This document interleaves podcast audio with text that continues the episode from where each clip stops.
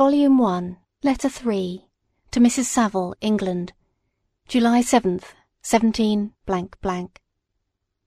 My dear Sister, I write a few lines in haste to say that I am safe and well advanced on my voyage.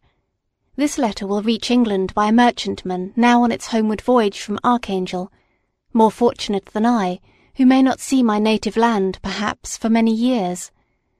I am, however, in good spirits, my men are bold, and apparently firm of purpose, nor do the floating sheets of ice that continually pass us, indicating the dangers of the region towards which we are advancing, appear to dismay them.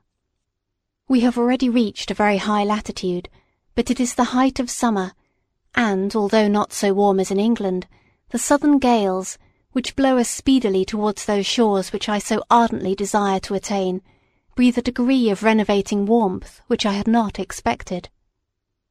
No incidents have hitherto befallen us that would make a figure in a letter. One or two stiff gales and the breaking of a mast are accidents which experienced navigators scarcely remember to record, and I should be well content if nothing worse happened to us during our voyage. Adieu, my dear Margaret. Be assured that, for my own sake as well as yours, I will not rashly encounter danger.